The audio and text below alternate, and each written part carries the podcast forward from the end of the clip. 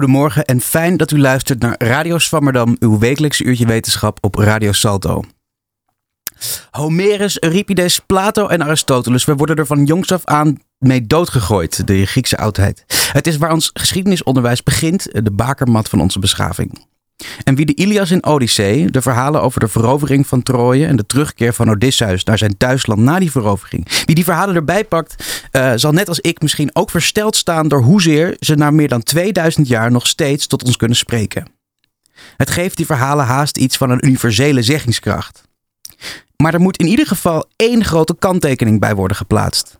De stemmen van vrouwen schitteren in de oudheid door hun bijna volledige afwezigheid. Hoe moeten we ons nu tot het oud-Griekse verleden verhouden als het verhaal erover alleen is verteld door mannen? Vandaag een uitzending van Radio Swammerdam over de stilte van vrouwen uit de oudheid. Over wat die stilte betekent voor de geschiedschrijving en over de golf van nieuwe romans die die geschiedschrijving probeert aan te vullen. Of misschien zelfs te corrigeren. Mijn naam is Momo Schaap en bij mij is de gast Jacqueline Klooster. Hallo. Jacqueline is universitair docent aan de Rijksuniversiteit Groningen, gespecialiseerd in Oud-Griekse en Romeinse literatuur en is hoofdredacteur voor het academische tijdschrift Mnemosyne. Mijn tweede presentator is Max, pardon, Max Waterreus. En Max, je vertelde me dat je deze week naar de opera bent geweest. En dat was een Romeins verhaal, niet? Ja, klopt. Dat was een hervertelling van het verhaal van Agrippina. Die uh, door middel van allerlei listen haar zoon Nero op de troon wilde krijgen. Iets wat uiteindelijk is gelukt, maar wel leidde tot haar, tot, uh, haar eigen dood. En het mooie eigenlijk is dat ja, Agrippina staat in, het, uh, in de hoofdrol. En de opera zelf eindigt met Agrippina die als overwinning haar zoon op de troon weet te krijgen. Niet wetende wat er toe leidt. dat is wel een hele mooie keuze, denk ik. Hm. Drama's ironische keuze hm. meer, maar... Ja, en, en, en zo zien we eigenlijk hoe die oudheid dus wordt, wordt, wordt gebruikt om nieuw drama te scheppen. En Jacqueline, dan wil ik me tot jou richten. richten want um, mensen die net zoals ik het gymnasium niet hebben afgemaakt, komen uh, die Griekse mythen meestal in de eerste instantie eigenlijk altijd zo tegen. In een soort hervertelling, uh, in een nieuw jasje. Uh, het zijn er zoveel, die hervertellingen, dat je oorspronkelijke verhalen haast uit het oog verliest. Dus ben ik heel benieuwd. Ik wil je als opening vragen.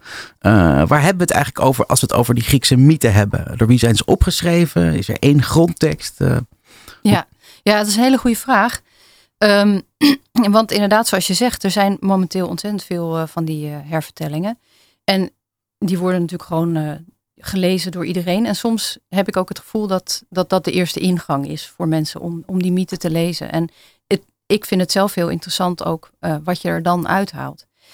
Want um, er bestaan allerlei van die, ja, soms ook wel een beetje verkeerde opvattingen over die mythologische teksten. Namelijk dat er één oerversie zou zijn, bijvoorbeeld, wat dan de juiste versie is. Maar als je gaat kijken naar de oudheid, dan zie je dat mythologie is eigenlijk een soort traditie van verhalen vertellen.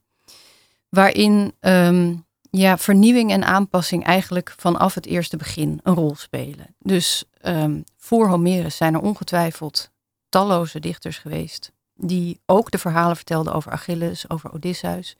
En die misschien wel op een hele andere manier vertelde of hele andere keuzes maakte, zeg maar, uh, uit die verhalen. Nou, van Homerus hebben we dan toevallig inderdaad die twee epen over. Dus we kennen het verhaal van, nou ja, van de oorlog rond Troje. We kennen het verhaal van de terugkeer van Odysseus. Um, daarnaast heb je natuurlijk heel veel uh, ja, tragedies, Griekse tragedies uit de, de, klassieke periode, waarin heel veel van die mythen uh, verteld worden. De klassieke periode, dat is ja, later. Echt, ja, daar hebben we het echt over de vijfde eeuw voor Christus, zeg maar zo'n beetje. En dan specifiek ook Athene. Mm -hmm. Homerus is nou waarschijnlijk zo'n drie eeuwen eerder op schrift gesteld. Um, um, en daar krijg je dus grappig genoeg dezelfde verhalen eigenlijk ook. Hè? Ook die verhalen over bijvoorbeeld de oorlog rond Troje. Maar er worden echt andere keuzes gemaakt. En er worden ook verhalen op andere manieren verteld. En uh, het is dus eigenlijk niet zo dat er voor de Grieken één juiste manier was om een mythe te vertellen.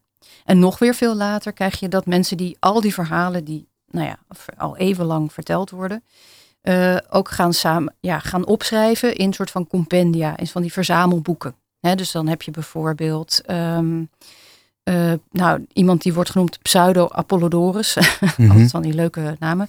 Maar dat, eh, en die heeft dan de Bibliotheca, wordt dat genoemd. En dat is echt een verzamelwerk van, ja, van alle mythen zoals hij ze kende. En, en dat zijn natuurlijk hele belangrijke teksten. Of bijvoorbeeld Ovidius, de Metamorfose. Het zit ook vol met, eh, met van die verhalen. Of, en dan heb ik het eigenlijk nog één hele vroege dichter heb ik overgeslagen, namelijk. Hesiodus.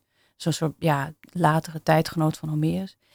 En dat is ook iemand die een heleboel van die verhalen die we kennen, Prometheus mythe of zo, vertelt. Maar hij vertelt hem zelf twee keer en hij vertelt hem tel- zelf twee keer eigenlijk op een beetje een andere manier. Hm. Dus daar zie je al aan, weet je, dat is een heel veranderlijk corpus van verhalen. En ja, daarom vind ik dus ook het zo leuk dat die hervertellingen vandaag de dag ook zo floreren. Want het is eigenlijk een voortzetting, zou je kunnen zeggen, van die hele traditie. Dat Hm. die verhalen opnieuw verteld worden. Met andere nou, uitzicht, ja, zichtspunten, perspectieven, eh, Ja. uitsnedes. En er werd dus maar in de oudheid ook al commentaar geleverd, misschien ook wel op die, Ja, op die zeker. verhalen. Ja, absoluut.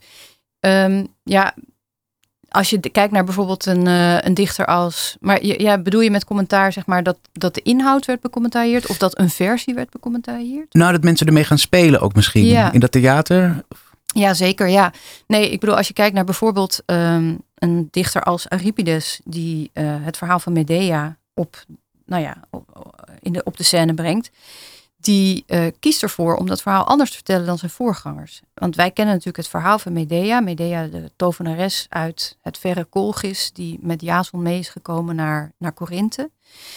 En Jason die heeft opeens bedacht van ja, het is misschien toch wel handiger. Hij heeft kinderen met Medea, maar het is toch wel handiger als ik misschien een nieuwe vrouw kies. Want ja, zo'n vreemde vrouw die een beetje raar wordt aangekeken hier in Korinthe.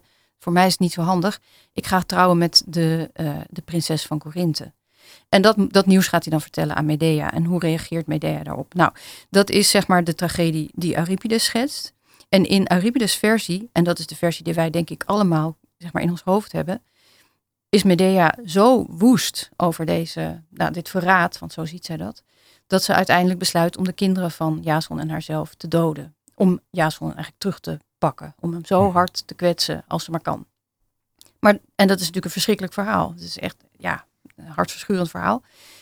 Maar voor Euripides zijn er allerlei versies waarin Medea dat helemaal niet doet. Waarin zij niet haar kinderen doodt. Maar dat zijn de Corinthiërs die dat doen om haar, nou ja, om to get back at her bijvoorbeeld.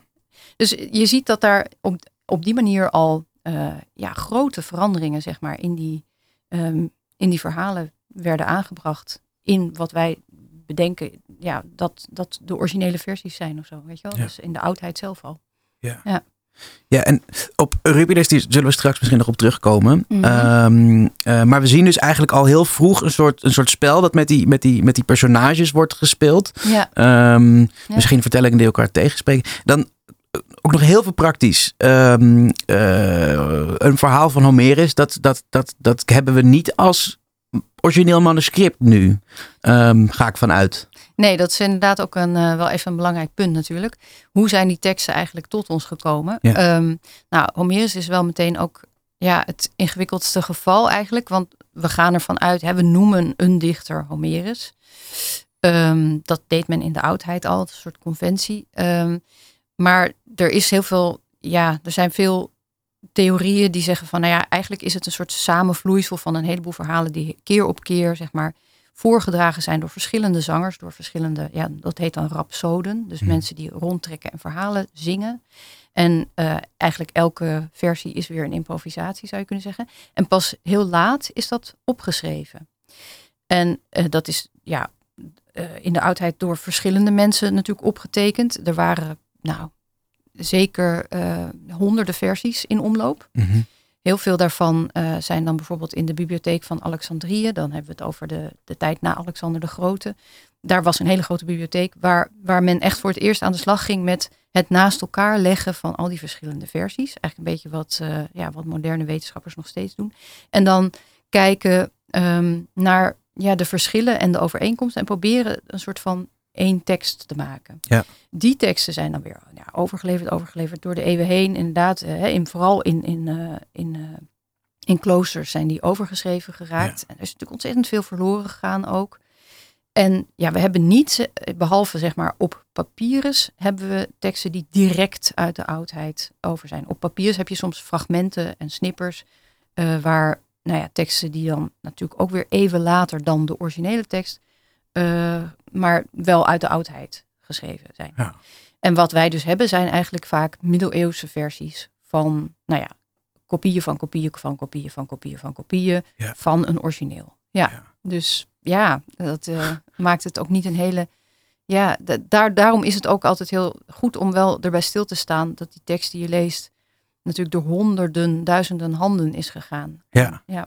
Ja, ja. een soort hele ketting aan keuzes en, en, ja, en ja. ja heel veel werk ook. Ja, dat is, uh, kun je wel zeggen, ja, ja mm. zeker. Ja. En eh, met het risico dat ik een zijspoor bewandel hoor, maar ik, ik, ik, ik, ik hoor je iets zeggen dat ik. Is er echt een kans dat, dat, dat die tekst ons via de bibliotheek van Alexandrië hebben bereikt. we weten natuurlijk allemaal wat er daarmee gebeurd is. Ja. Um, nou, ik, er waren natuurlijk behalve de bibliotheek van Alexandrië ook wel andere grote bibliotheken in de oudheid. Uh, tegelijkertijd en later. En ik denk wel dat, dat die hele belangrijke rol hebben gespeeld in het doorgeven. Ja. Want hm. daar, daar, daar had je dan, nou ja, zeg maar moederversies als het ware. Die dan weer konden worden overgeschreven door uh, geleerden en, uh, nou, en, en, en boekhandelaren en, en nou ja, noem het maar op. Um, dus ja, ja, er is een heel mooi boek daarover. Dat Papyrus van die Irene Vallejo. Dat Irene Spaanse boek. Ja, dat, is, uh, dat gaat eigenlijk heel erg over ja, die, die, boekhandel in de, in de oudheid. En het boek, de geschiedenis van het boek in de oudheid. Ja, ja. ja het, is, het, is, een soort populair wetenschappelijk boek. En voordat het werd opgeschreven, werd het mhm. overgedragen per, per zang. Ja. Um, ja. Nou, dan kan ik me voorstellen dat een zanger gewoon uit zijn hoofd mm -hmm. steeds elke keer bij een elk optreden een net andere versie overleefd. Weet je hoe lang dat, uh, die periode, voordat er schrift was... Um, ja, nou ja, hoe, hoe lang heeft dat bestaan? Ja, het grappige is, het, het duurt ook nog voort als het wel al opgeschreven is. En je vindt dus ook, zeg maar, ook echt uit, nou, inderdaad, die periode van die Hel Hellenistische tijd, dus de derde eeuw voor Christus, de tijd van de, van de Alexandrijnse bibliotheek, vind je nog steeds papieri waar uh, verschillende versies op staan. Waar extra versen op staan, van Homerus bijvoorbeeld. Of, uh, ja, of varianten. Uh, dingen die in, andere, die in de, zeg maar de, de standaardtekst die wij nu hebben niet voorkomen. Dus dat, het ging eigenlijk heel lang door, dat, ja. ja. dat, dat orale, die orale traditie, zoals ze dat dan noemen. Kan je dan ook herkennen, is er iets waar... Ik kan me heel goed voorstellen, als je iets uit je hoofd moet zingen, dan mm -hmm. ga je het eerder versimpelen of iets maken waardoor je het makkelijk onthoudt. Mm -hmm. uh, en als je iets uh, opschrijft en het dan uh, keuzes moet maken voor bepaalde voor, voor, je, voor je tekst, mm -hmm. dan maak je denk ik hele andere keuzes. Ja, nee, dat is zeker waar. Ik, inderdaad, je kunt aan de tekst van Homerus heel duidelijk zien dat het een, uh, een tekst is die ook bedoeld is om gememoriseerd te worden. er zitten formulaire versen in, zoals dat dan heet. Hè? Dus, en, en ook ja. bijvoorbeeld scènes die eigenlijk altijd hetzelfde verlopen, zodat zo'n dichter dan even, of zo'n zo'n zanger dan even zo, zo op automatische piloot door kan. Zo van, oké, nu komt dit stukje. Oh, ze gaan nu een, uh, uh, ik weet niet wat, een, uh, een hun, hun, hun, wapenrusting aantrekken of zo. Of ze gaan nu um, wijn mengen of wat dan ook. Weet je, en dat, dat kan hij dan even zo nou ja, afspoelen en dan weer door. En er zit dus veel herhaling in. er zitten veel, ja, ook bijvoorbeeld beschrijvingen in die ook terugkeren, zeg maar, of scènes die terugkeren. En dat vind je dus in die latere echt als schriftelijk geconcipieerde teksten, vind je dat niet. He, daar heb je niet die, ja, behalve als ze Homerus willen nadoen of zo, maar dan heb je niet al die herhaling en zo. Dat is echt het grote verschil. Dat is denk ik het grote verschil, ja. ja, ja. Maar om even terug te komen naar het hoofdpunt van deze uitzending. Ja. Uh, we hebben het hier over allemaal prachtige verhalen. Of bij, uh, ontroerende, mooie verhalen. Maar het zijn, uh, het zijn wel allemaal verhalen door mannen over mannen, toch? Of zeg ik dat ja, simpel? Nou, nee, zeker. Het is altijd, ik vind dat wel grappig. Ik zeg heel vaak, ook tegen, als ik lesgeef tegen mijn studenten. Nou, oké, doe eens een gooi. Weet je, hoeveel namen van vrouwelijke auteurs uit de oudheid hebben we nou over? Hoe, hoeveel mannen en hoeveel vrouwen? Nou, en ja, ze, zit, ze denken altijd van, ja, we weten er maar eentje, Sapfo. Mm -hmm. weet je wel? En er zijn er wel meer, weet je wel. Er zijn er denk ik een kleine honderd namen. Uh, maar daar staan dus duizenden, zeg maar, mannen, uh, mannelijke auteurs tegenover.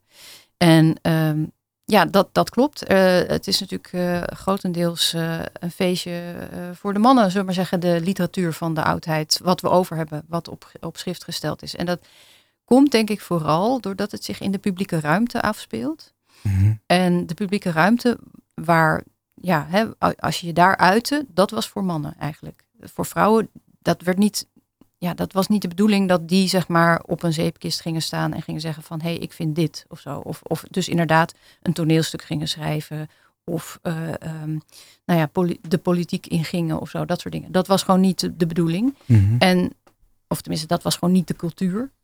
En uh, daarom is het denk ik zo dat het er ook veel minder zijn. Um, ja, het is gewoon een publiek genre. Dus ja, ja een publieke sociale activiteit. Dus dat komt ook omdat misschien dat er de overlevering gewoon veel minder was. Omdat misschien zijn er wel heel veel vrouwen geweest die stukken hebben geschreven, maar waarvan het niet, omdat het niet publiek werd gemaakt, eigenlijk niet goed werd bewaard. Nou ja, er zijn er wel eh, natuurlijk, maar ik denk ook dat, uh, zeg maar, het begint natuurlijk al met de opleiding. Die vrouwen kregen toch wel een heel ander soort opleiding dan die mannen. En die kregen dus niet dat literaire onderwijs bijvoorbeeld in retorica doorgaans of ook in uh, literatuur. Ik bedoel, we hebben dus grote uitzonderingen, zoals Sappho, die nou ja, heel vroeg is en heel erg bekend is, ook al in Griekenland. En echt al heel erg geprezen wordt als de tiende muze en zo.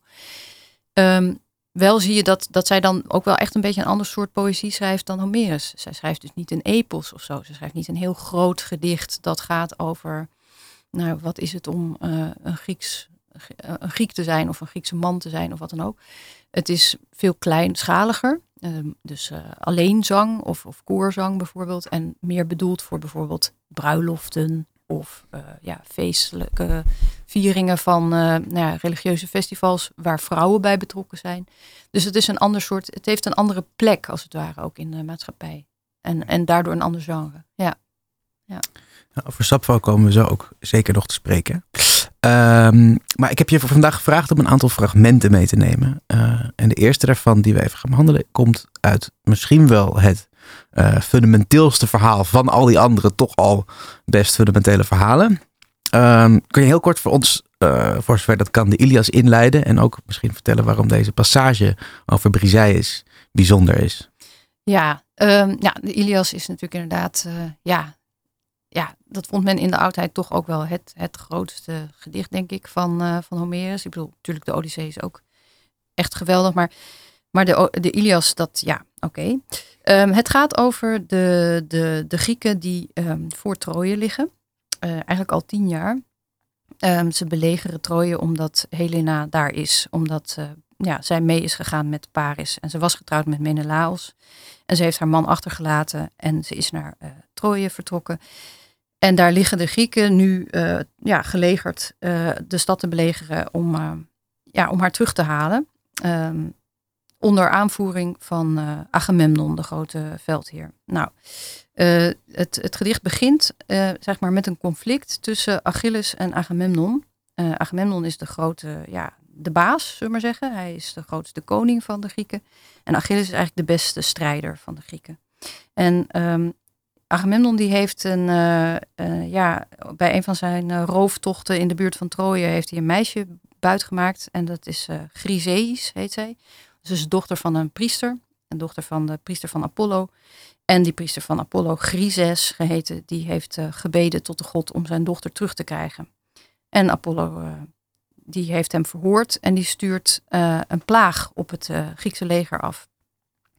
En dan um, ja, dan moet er dus natuurlijk iets gebeuren, want iedereen gaat dood. En dat betekent dus dat Agamemnon zijn oorlogsbuit moet teruggeven. Dat wil hij niet eigenlijk, maar hij doet het wel. En dan, zegt, uh, dan krijgt hij een conflict met, met Achilles, zijn nou ja, beste strijder.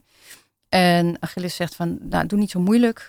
waarom moet jij eigenlijk altijd alles hebben en wat ben je toch inhalig? En zegt hij, oh, zegt Agamemnon, nou dan weet ik er ook nog wel één. Weet je wat? Geef jij mij jouw oorlogsbuit. En dat is Briseis, dat is een meisje. En dat uh, conflict, dat, uh, ja, dat loopt volkomen uit de hand uh, eigenlijk op dat moment. Het, Agamemnon die beledigt Achilles ontzettend. En Achilles die, ja, die staat eigenlijk op het punt om zijn zwaard te trekken en hem te doden. Maar dat wordt tegengehouden door Athene, de godin. Um, en dan ja, wil die niet meer meevechten. Hij wil niet meer meevechten en eh, dat is een groot probleem. Eh, want de Grieken verliezen zonder zijn hulp.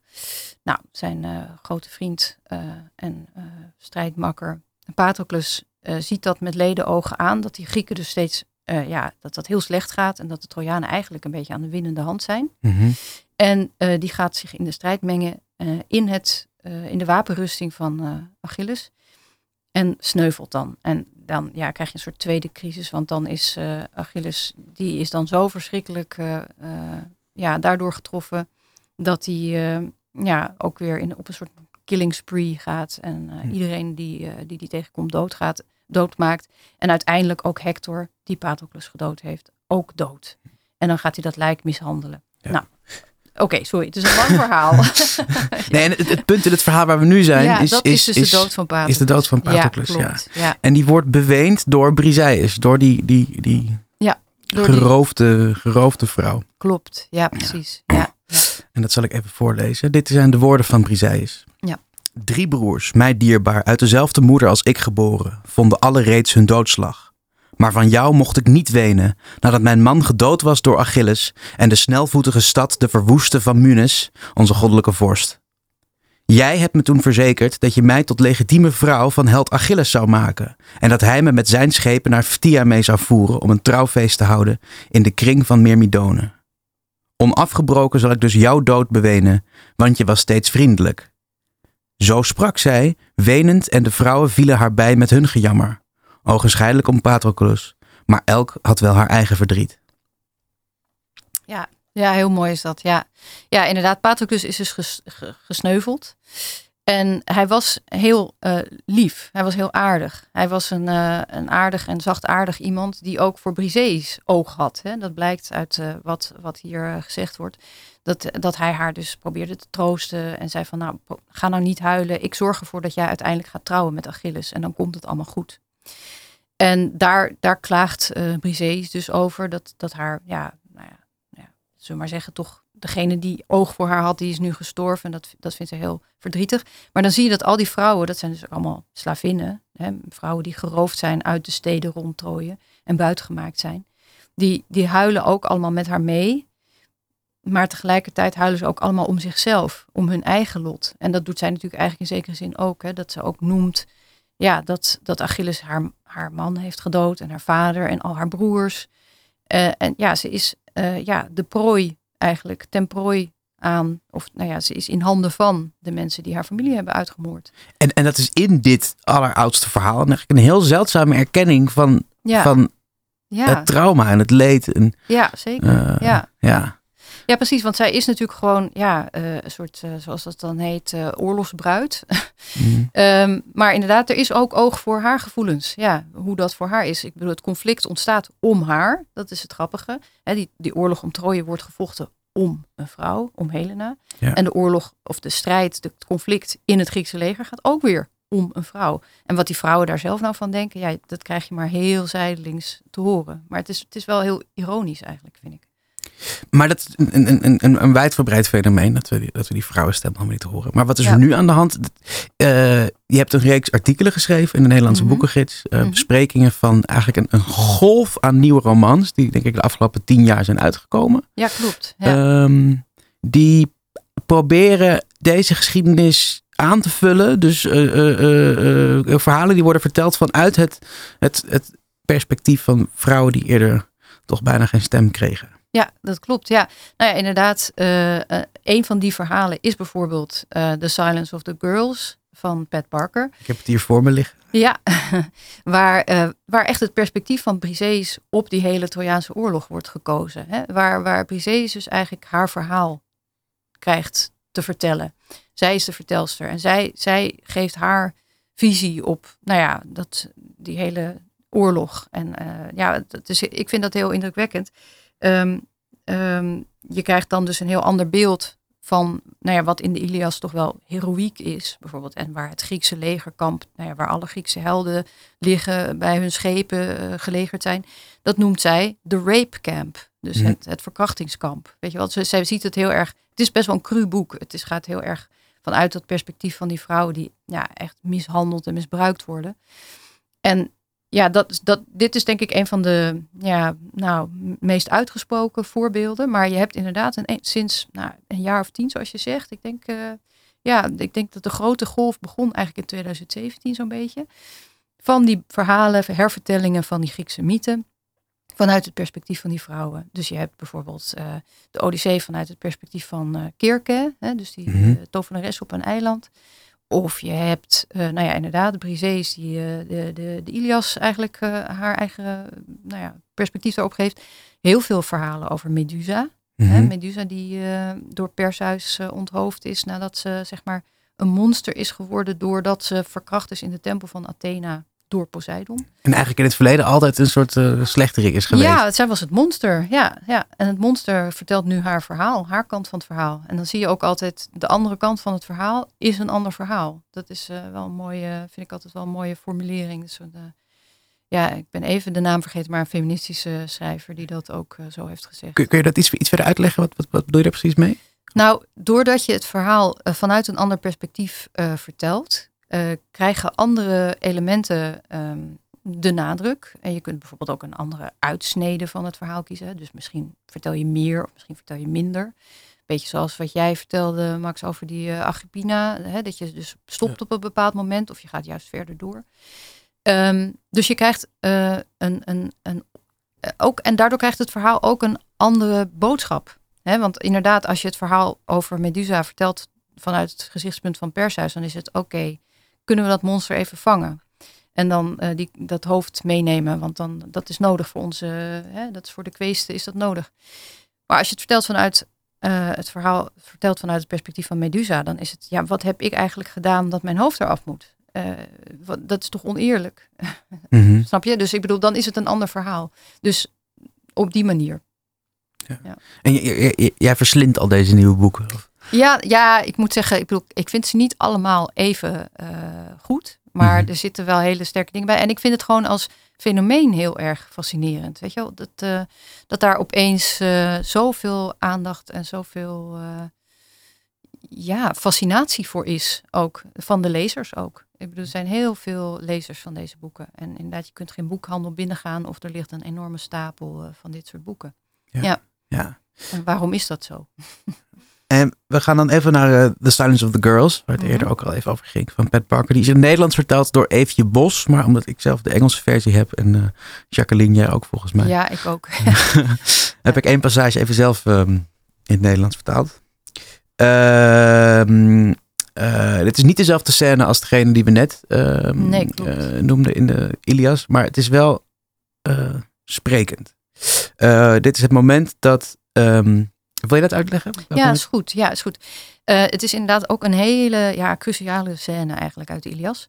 Helemaal aan het eind. Dan komt uh, de vader van Hector, de koning van Troje, Priamos. Die komt uh, naar Achilles en die wil het lichaam van zijn zoon terugkopen voor heel veel losgeld.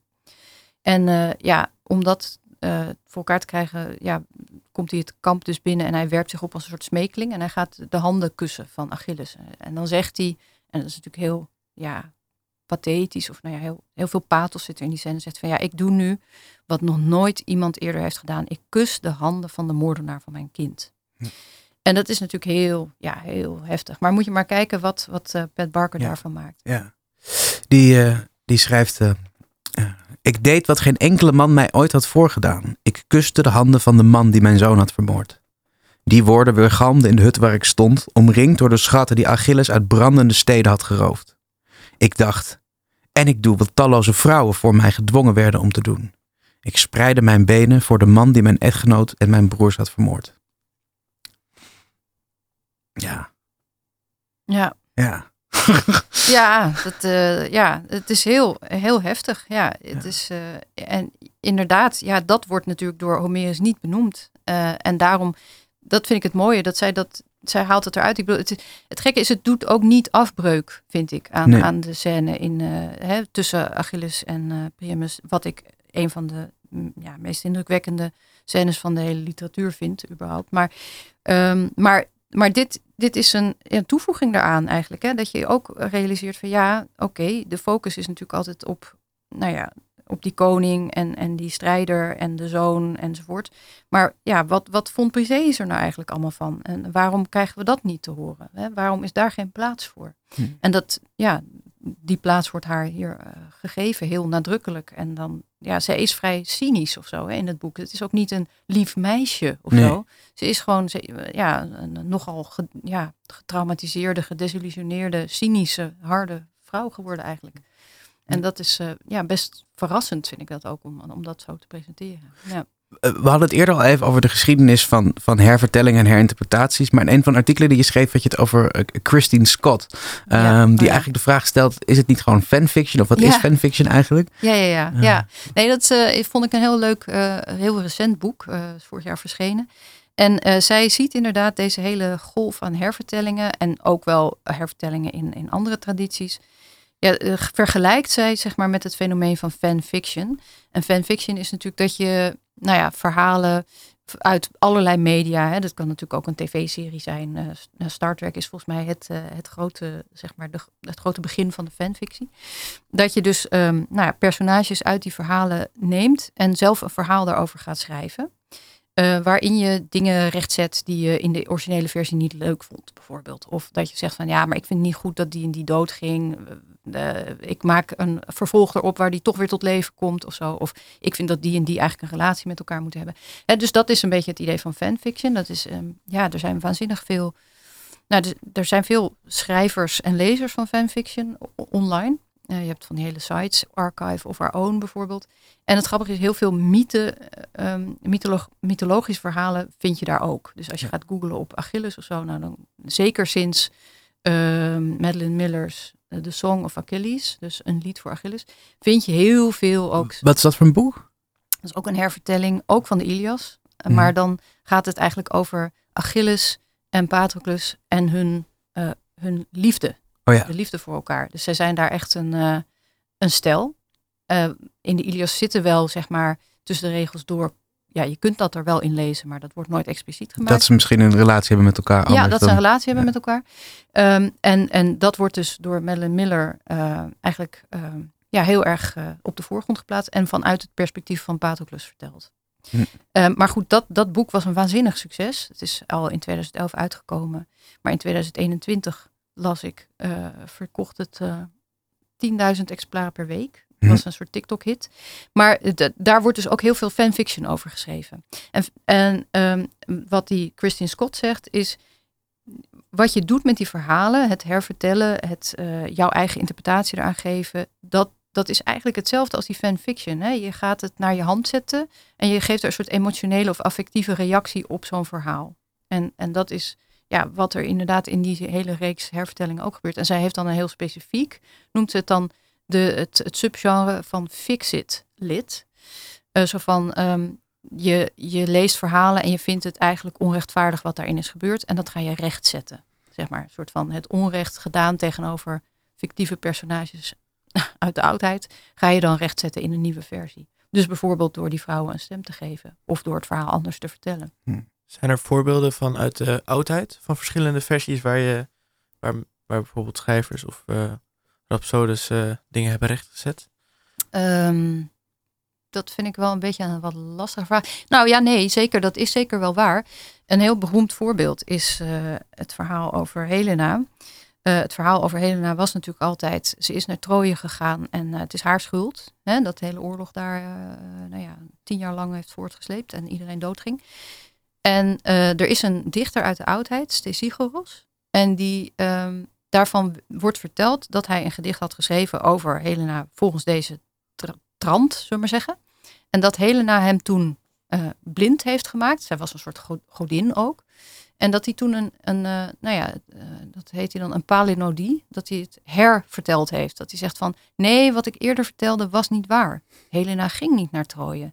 Wat er gebeurde was dat er eigenlijk een een eidolon, een geestesverschijning met haar uiterlijk naar Troje ging. Zij heeft tien jaar lang in Egypte gezeten en was kuis. Dus dat, ja, je zou kunnen zeggen, dat is inderdaad misschien wat het eerste voorbeeld van Fixit lid. ja, ja, dus uh, de andere versie van Helena, van het verhaal van Helena. Ja. Dus je kunt zien hoe, hoe, ja, weet je, je kunt wel denken van, hè, nou, je mag die verhalen niet anders vertellen dan ze in de oudheid verteld werden. Maar in de oudheid ging dit ook zo. Ja, dit, eh, dit soort versies, uh, ja, dit is natuurlijk best wel gek. Het is het totale tegenovergestelde van wat er in de Ilias verteld wordt. Dus ja. Ja, ja dat lang. Ja. ja.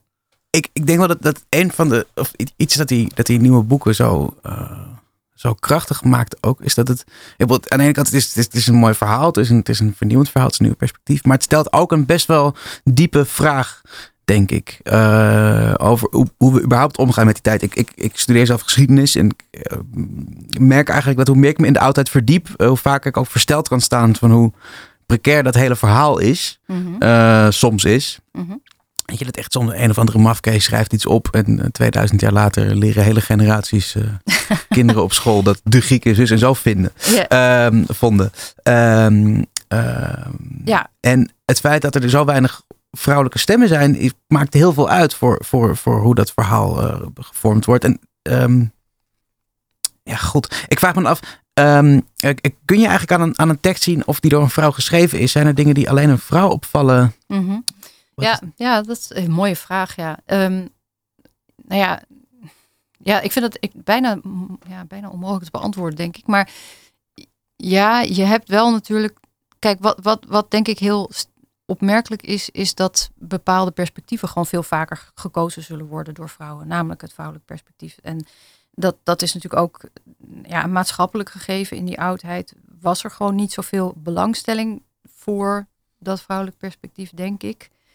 Um, maar je hebt ook altijd uitzonderingen. Dus als je gaat kijken naar inderdaad Euripides, over wie we het al een paar keer hadden, grote uh, tragisch dichter uit de klassieke periode die kiest wel eigenlijk heel vaak het vrouwelijk perspectief. En ook op zo'n manier dat je denkt van, nou ja, hij kruipt er wel echt in. Hij snapt echt van binnenuit bijna, voelt het alsof hij snapt wat het is om een vrouw te zijn. Misschien kunnen we heel veel toch naar dat, naar dat fragment ook. Het is, het is iets langer dan de vorige, maar ik vond het Ja. wel zo uh, Oké. echt heel bijzonder. Dus ik ga, ik ga dat even voorlezen. Yes. Eh, eh, ge- gebaseerd op een vertaling van Dekna tot Dirk, zeg je. Ja, Ja. klopt. Ja.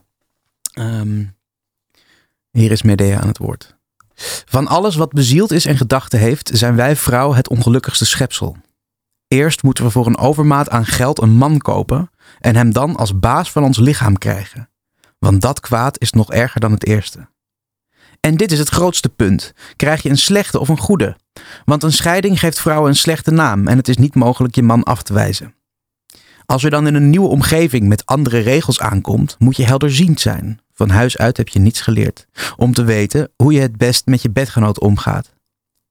Als wij ons daar goed voor uitsloven en manlief zonder morren het juk van het samenwonen draagt, gelukkig leven. Lukt dat niet, dan kun je beter doodgaan. Wanneer een man zich aan zijn huisgenoten binnen ergert, gaat hij de deur uit en verdrijft zo zijn ergernis. Hij wendt zich tot een vriend of een leeftijdgenoot, maar wij zien maar één gezicht, noodgedwongen. Men zegt van ons dat wij een gevaarloos leven leiden in huis, terwijl zij vechten met een lans. Een misleidende gedachte. Liever zou ik drie keer in de slaglinie staan dan één keer een kind te waren. Ja, ja, ik vind het als een ijzersterke tekst.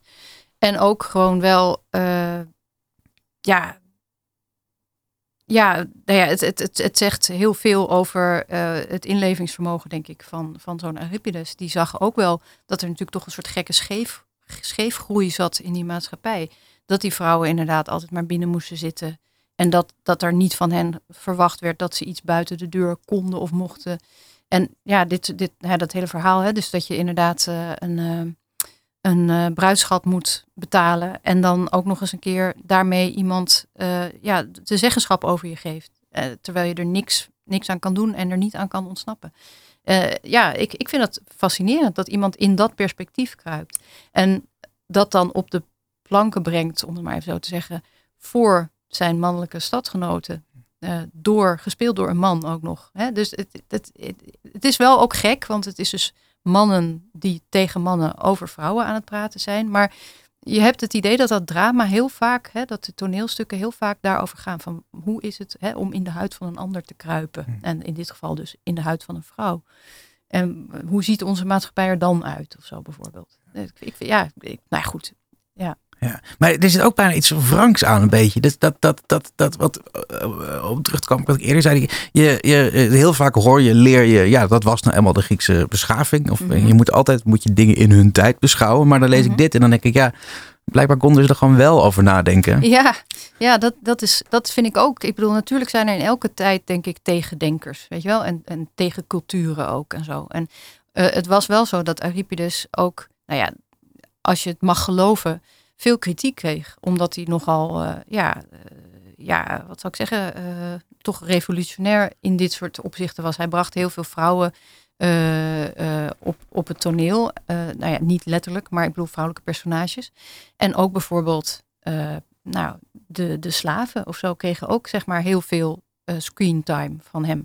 En En wat, weten we dan van die kritiek? Sorry. Dus, ja, nou ja, dat, dat, als je, dat, daar werd dan over gezegd, dat is niet goed. Dat is niet goed om dat soort eh, personages zoveel eh, aan het woord te laten. Het is wat wij, waarom niet gewoon de helden en de, en de koningen? En eh, dat, is, dit, dat willen we toch helemaal niet? Dat is slecht voor de maatschappij.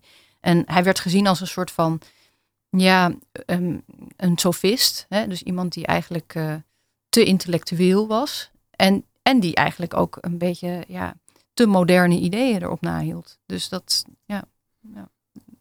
Natuurlijk is hij, ik bedoel, dat was in zijn eigen tijd. Hij is daarna gewoon wel tot de kanon ge- gere- gerekend. En hij is gewoon, werd eindeloos op scholen gelezen en zo. Dus ik bedoel, in die zin is hij toch ook wel weer heel erg mainstream. Maar ja, hij is wel, hij is wel anders, ja, vind ik, dan, eh, dan de twee. Maar goed, je hebt maar drie tragici van wie we echt substantiële dingen over hebben. Dus het is ook altijd heel moeilijk vergelijken. Ja. Dat is precies wat je zei over die oudheid. Ja. Ja, we hebben zo weinig eigenlijk. Hè? We denken dat we veel weten, maar ja. Ja, ik wil dan misschien even eh, in het laatste kwartier van deze uitzending naar Sappho van Lesbos. Mhm. Ehm, volgens mij schreef je in een van de artikelen, of las ik in een van je artikelen, dat zij eh, ook wel de, de uitzondering wordt genoemd die de regel bevestigt. Ja, klopt. wat betreft ja. vrouwen en oudheid. Ja, wie, wie, Ja. wie was zij? Ja, eh, zelfs dat eh, is best wel moeilijk te zeggen. Ehm, nou ja, waarschijnlijk was ze inderdaad van een aristocratische familie op het eiland Lesbos. Ja, er zijn, omdat er zo weinig informatie over haar is en omdat ze zo uniek is, eh, is het ook wel moeilijk om haar goed te plaatsen en te interpreteren. En, en ook als je leest, zeg maar, wat er door de eeuwen heen, nou met name in de laatste paar honderd jaar, zeg maar, aan, aan wetenschappelijke artikelen over haar verschenen zijn. Dat, dat zijn soms hele gekke beweringen. Hè? Mensen gaan proberen het gat op te vullen. Nou, zij schrijft natuurlijk veel voor vrouwen en over vrouwen. En ook over nou ja, echt liefdesrelaties met vrouwen. En dat werd eh, bijvoorbeeld in de 19e eeuw vaak door veel mensen moeilijk gevonden. En dan krijg je dus het verhaal van ja, nee, dat moet je niet zo zien. Dat is niet echt een liefdesrelatie. Zij was gewoon een, eh, een soort van kostschooljuf, houdster, wat dan ook. En als die meisjes dan, die zij aan het opleiden was, want die- zij ja, was een soort finishing school voor meisjes of zo, dat idee. Eh, als zij dan weggingen en gingen trouwen, dan, ja, dan, dan miste zij ze gewoon heel erg. En dan ja, haar affectie voor die meisjes, dat, dat, dat, daar gaan die gedichten over. Nou ja, ik denk niet dat dat waar is. Maar ik bedoel, dat idee, ja, hè, dus eh, omdat er een soort van vacuüm is, ga je dat dan op die manier invullen. Dat is nu inmiddels echt al heel achterhaald. Ik bedoel, het is duidelijk dat dat, ja, waar, dat dat gewoon liefdespoëzie is voor vrouwen van een vrouw. En ehm, ja, waarom niet? Er was ook liefdespoëzie van mannen voor mannen. Dus eh, ja, het is helemaal niet, niet raar of, eh, of ongewoon. Alleen het is uniek. We Mhm. hebben er heel weinig andere voorbeelden van. En wat, wat, wat heeft ze precies nagelaten? Wat zijn het voor... eh, Ja, ehm, nou, in eh, de, we weten dat er in de oudheid gewoon eh, een aantal boekrollen met haar gedichten bestonden. Echt een stuk of acht, als ik me niet vergis. En daar hebben we nu een paar honderd versen, zeg maar, van over. Terwijl dat moeten er dus duizenden versen zijn geweest. En ja, veel van haar gedichten is maar één gedicht eigenlijk eh, compleet overgeleverd. De meeste zijn eigenlijk fragmenten. En ook het feit dat het in het eh, lesbisch dialect is geschreven. eh, ja, Eolisch, maakt het ook gewoon soms lastig om het te interpreteren. Ja.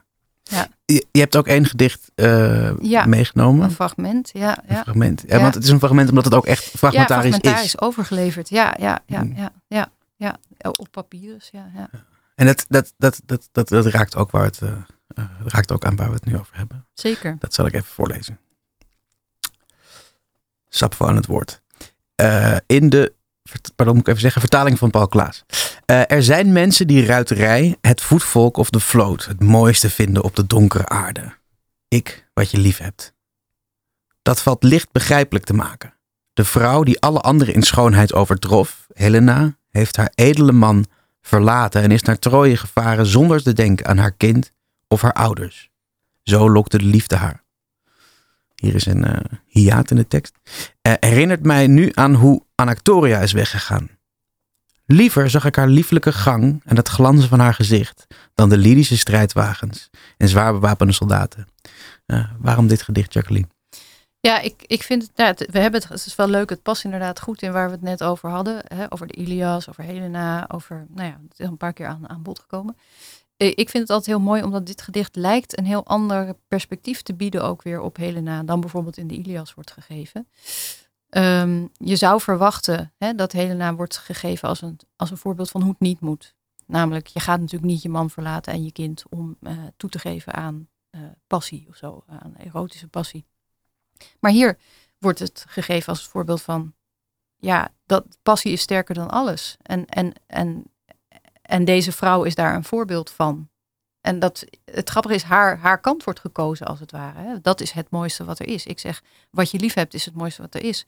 En dat kan ik aan het verhaal van Helena illustreren. Dat vind ik heel, heel mooi en heel uh, bijzonder. En het grappige is natuurlijk ook dat daartegenover dan juist wordt gezegd, ja, je hebt ook mensen die vinden oorlog het mooiste. Of uh, oorlogsvertoon vinden ze het mooiste.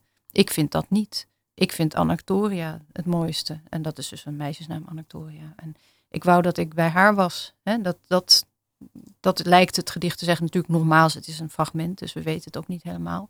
Maar ja, het, is, het geeft toch een heel... Ik vind het dat het een vrij unieke uh, inkijk geeft in nou ja, wat, het, wat de Griekse literatuur ook had kunnen zijn. Ja. Als al die vrouwen uh, Ja. wel hadden geschreven. Ja. Ja. Dus ja, daarom vind ik het altijd heel bijzonder. Was, was zij in de oudheid ook al een fenomeen? Jazeker, ja. Nee, ze, ze werd eh, eh, enorm bewonderd. Ehm, en haar, haar uniekheid werd ook wel heel erg eh, ja, onders- onderstreept. Hè. Ze werd dan de tiende muze genoemd, bijvoorbeeld. Eh, eh, om, ja, je hebt dan negen muzen en zij was dan de tiende muze. Ehm, eh, ja, en ze stond vooral bekend om haar, om haar liefdespoëzie. Dat, dat werd, en het grappige is, daar wordt dan niet heel echt nadrukkelijk over gezegd dat dat dan, eh, nou ja, eh, homoerotische liefdespoëzie is. Dat is gewoon liefdespoëzie. Ja. Punt. Weet Er wordt geen onderscheid, geen Nee, hard onderscheid in niet. Nee, dat is het grappige. Dat is inderdaad, liefdespoëzie is liefdespoëzie. Dat Ja. gaat over verlangen en over, ja. Nou ja. Dus dat is, ja, ja. Nee, ze was echt een groot voorbeeld voor veel dichters. Ja, ook voor mannelijke dichters. Het, het is wel mooi, en word ik misschien word ik wel heel eh, speculatief. Maar omdat aan, mm, aan de ene kant eh, zie je hier misschien wel een bevestiging van een soort zeer vastgeroeste eh, genderpatronen. Ook in, Mhm. eigenlijk ook wel in wat jij zegt, dat, dat, dat als de vrouwen meer aan het woord waren geweest, hadden we misschien meer liefde gehad in plaats van minder. Oorlog lijkt iets voor mannen en liefde iets voor vrouwen de hele tijd. Aan de Ja, andere kant nee, goed, zie je ja. hoe het, eh, hoe het ook, eh, hoe het Ja. ook onze, ehm, ja, goed wat betreft, eh, ja, ehm, Nee, nee, dat is een goed punt hoor. En dat, ja, dat, dat zou ik ook niet willen zeggen of zo. Weet je, dat is natuurlijk niet. ik begrijp dat het zo klinkt.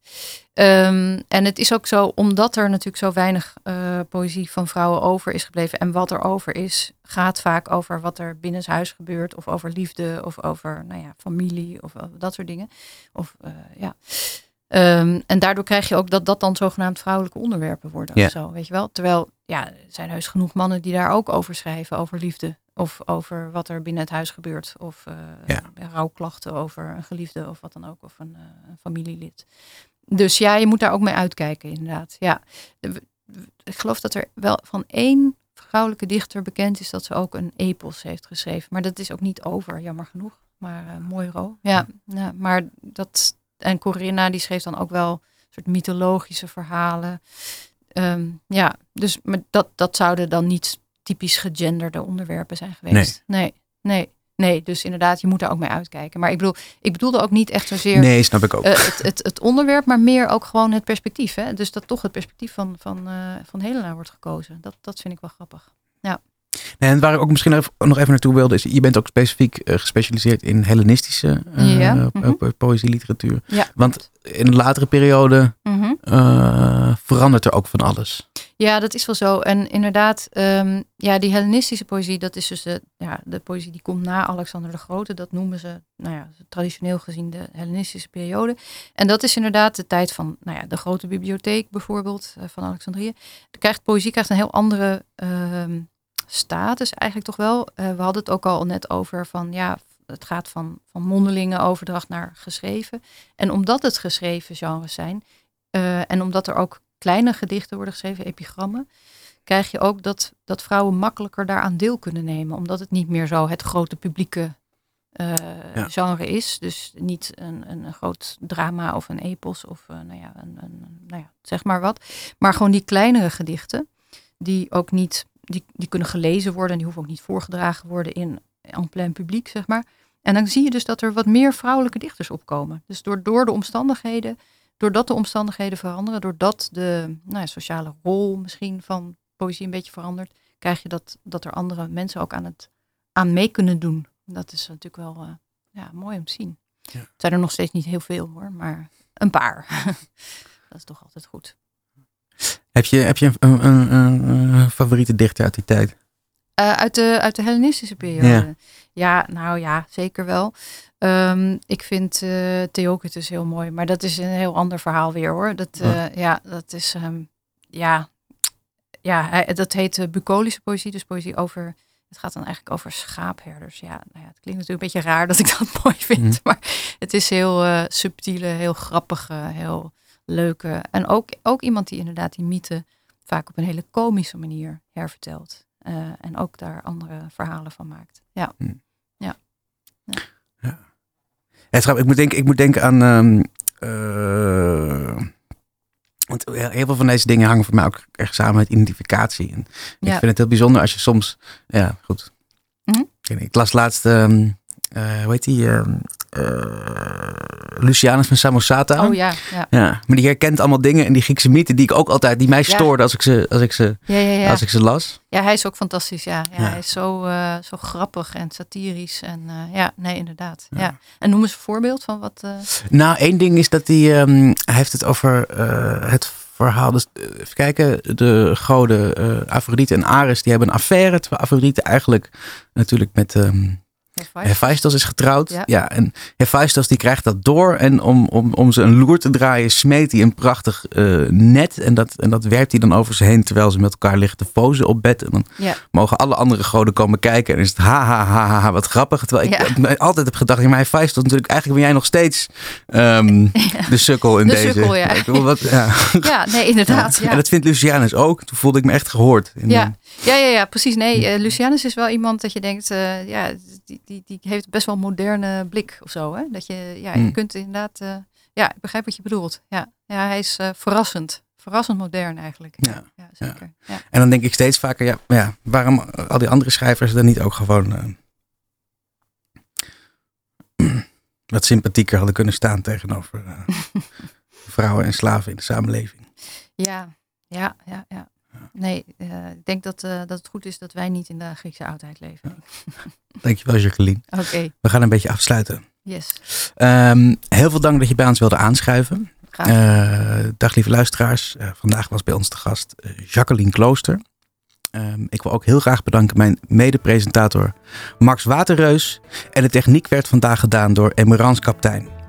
Heeft u vragen of opmerkingen? Stuur ons gerust een bericht via social media of mail naar radioswammerdam.gmail.com. Op Instagram, Twitter en LinkedIn kunt u ons ook volgen om nooit meer iets van Radio Swammerdam te missen. Deze uitzending wordt vanmiddag nog geüpload op alle podcastkanalen. Dan kan je hem terugluisteren of delen.